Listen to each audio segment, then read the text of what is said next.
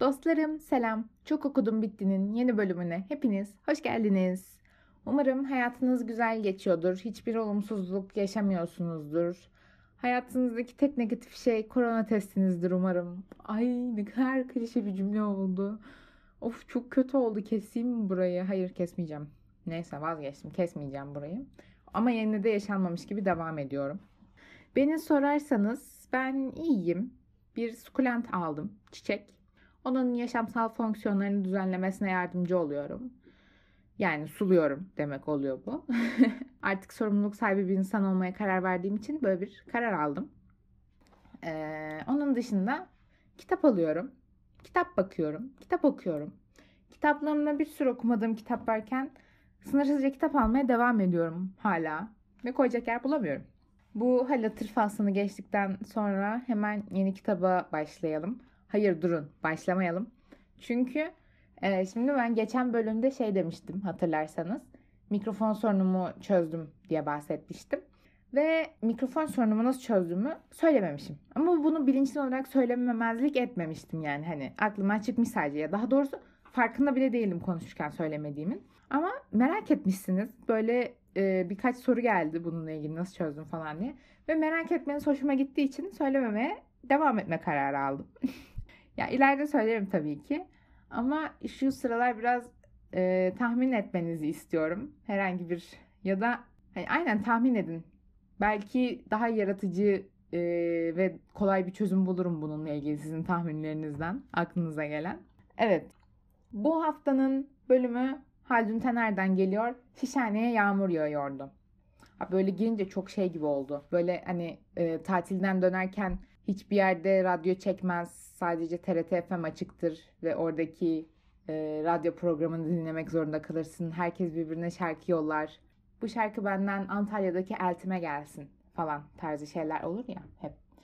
İşte onlar gibi oldu. Neyse Haldun Taner'den bahsedeyim ben size birazcık. Haldun Taner çok tiyatrolu birisi. Tiyatrocu değil, tiyatrolu birisi. Çünkü çok fazla tiyatro oyunu sığdırmış hayatına ve Türk tiyatrosuna çok fazla emek vermiş. Ama okulunu okumamış. Bu sıralar böyle çok fazla insan görüyorum. Yani Türk tiyatrosuna emek vermiş değil de okulunu okumadığı halde başka bir iş yapan insan görüyorum. Acaba bu şey anlamına mı geliyor? Gerçekten yapabildiğimiz şeylerin okulunu okumuyor muyuz? Ee, gerçekten yapabildiğimiz şeyleri mi meslek haline dönüştürüyoruz öğrendiğimiz şey başka olsa bile? Bu beni biraz düşünmeye sevk ediyor açıkçası. Çünkü sonuçta 18 yaşında tercih yapıyoruz genelde. Yani 17-18 yaşında. Ve çok da bilinçli olduğumuzu düşünmüyorum ben meslek seçimi yaparken. Herkesin. Hani tamam okey şunu olmak istiyorum, bunu olmak istiyorum gibi düşünceler herkesin aklından geçmiştir ama belki okula girdikten sonra insanlar hatalarının farkına varıyorlardır. Belki Haldun Taner'in de başına böyle olaylar gelmiştir. Ee, çok adını duyduğumuz, yani ben çok duydum, sizin de duyduğunuzu düşünüyorum. Keşanlı Ali Destanı diye bir oyun vardır. Var yani, vardır değil var. Normal bir oyun. Bu ilk epik tiyatro eseriymiş ve Haldun Taner tarafından yazılmış. Ee, bunun dışında da Türk tiyatrosunun gelişiminde çok önemli bir noktada çok emek vermiş. Ee, ve bu yüzden de İstanbul'daki bir sahneye Kadıköy'de yanlış hatırlamıyorsam adı verilmiş. Tanıdığımız, bildiğimiz oyuncular işte ne bileyim Ferhan Şensoy, Zeki Alasya, Metin Akpınar hep bir geçmişleri var Haldun Taner'le. Burada da hem tiyatronun nasıl diyeyim yazım anlamında hem de oynanma anlamında da etkileri olduğunu görüyoruz. Şimdi kitaba geçersek e, ben direkt şeyden başlamak istiyorum. Birinci bölümden hani genel olarak bölüm bölüm konuşarak gitmeyi düşünüyorum. Çünkü öykü kitabı yine her bölümde farklı bir şey var. Hikayeden bahsediyor. Şimdi birinci bölümde ben ilk okuduğumda anlamadım birinci bölümü.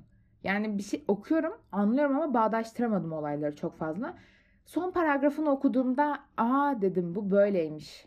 Ama sizin böyle bir zorluk çekmemeniz için şöyle e, güzel bir şekilde ihtimallerden ve kelebek etkisinden bahsetmiş. Hani şey diye bir söz vardır ya belki duymuşsunuzdur. Yolun sağına baksak solundaki güzellikleri kaçırırız veya hep tam tersi diye bir söz var. Tam öyle işte. Ee, bir ihtimalin oluşunun ne kadar şeyi değiştirdiği, direkt hani kelebek etkisi bir kelebeğin işte bilmem nerede kanat çırpışının başka bir ülkede tsunami oluşturuşunun ve aynı zamanda da o kelebeğin kanat çırpmama ihtimalini de anlatmış. Yani tabii kelebek etkisi olarak kelebek şeklinde anlatmamış da bu tarzda anlatmış. O yüzden hoşuma gitti yani. Ama ilk okuduğumda şey yapmamıştım. Çok algılayamamıştım. Belki de kafamı vererek okumamışımdır. O yüzden ikinci tur yaptım yani. İkinci bölüm şöyle ikinci bölüm. Ee, sonu çok güzeldi. Yani bölümün kendisini pek sevmedim. Ama sonu çok güzeldi. Sanki bir müzik böyle yavaşça kısılarak bitiyor hissi verdi bana. Böyle tak diye kesmemişler hani yavaş yavaş böyle tatlı tatlı bitiyormuş gibi geldi ama bölümün kendisinden pek hoşlanmadım. Ee, kitap hakkında genel bir şunu söyleyebilirim her bölümde var olan. 1950'de yazılmasına rağmen anlamını bilmediğim kelimeler çok fazlaydı yine. Hani aslında o kadar eski de değil. Hani hatırlıyorsanız Kuyruk Yıldız altında bir izdivaç 1912'de yazılmıştı ve yine anlamını bilmediğim çok fazla kelime vardı. Ama buradaki iyi yanı şu ki e, her şeyin altında sayfanın altında o kelimenin anlamını vermişler. O yüzden çok fazla şey kullanmadım. Yani hatta hiç kullanmadım. Direkt kelimenin anlamına bakıp e, devam ettim ki zaten genelde de cümlenin bağlamından çıkarılabiliyordu. Aradığı şeyler var işte. E, Rumca sözler ya da başka dilden e, kesitler var. Onların anlamlarını da vermiş. O açıdan da zorluk çekmiyorsunuz. En sevdiğim bölüm. Evet en sevdiğim bölüm. Konçinalar bölümüydü. Aşırı aşırı güzeldi. Ben bilmiyorum çok sevdim. Hani bu kitabı bir daha elimde aldığımda açıp kesin bu bölümü okurum. Kitaplığımı düzenlerken Aa evet böyle bir kitap okumuşum bir açıp, açıp bakarım ve fark ettiğimde de büyük ihtimalle bu bölümü tekrar okurum diye düşünüyorum. Çünkü çok tatlı bir bölümdü ya. Ay ne bileyim böyle ay yavru kedi köpek kesi verdi bana bölüm. Bilmiyorum belki size de verir. Yani umarım verir. Hoşunuza gider. Bir bölümde beğenmiş olduğu bir kadını tasvir ediyor. Daha doğrusu onun hissettirdiklerini tasvir ediyor. Yani böyle çok vıcık vıcık bir romantikliğe girmeden hani değişik ifade etmiş ve arkadaşlarının da aynı kadın hakkındaki düşüncelerini e, ifade edince onların yanında biraz daha kibar mı diyeyim normal kaldığı için hoşuma gitti benim ifadesi. Yani bu kitapta hoşuma giden çok fazla şey var. Yani ikinci bölüm için sevmediğim bir şey yok galiba şu ana kadar geldik. Evet. Ha mesela bir bölümde şey vardı. Bunu e, ben yeni öğrendim. Sizin de bilmediğinizi düşünüyorum. Vomitorium diye bir şey varmış. Bu eskiden şey olarak kullanılıyormuş. Romalılar e, ziyafet veriyorlar ya kusma odasıymış. Hani daha fazla yemeği yiyebilmek için orada kusup sonra tekrar yemeye devam ediyorlarmış. Şimdi bir kere öncelikle harika bir olay. Daha fazla yemek yemek için kusmak harika bir olay. Sağlıklı mı? Tabii ki sağlıksız. Kesinlikle böyle bir şey önermiyorum.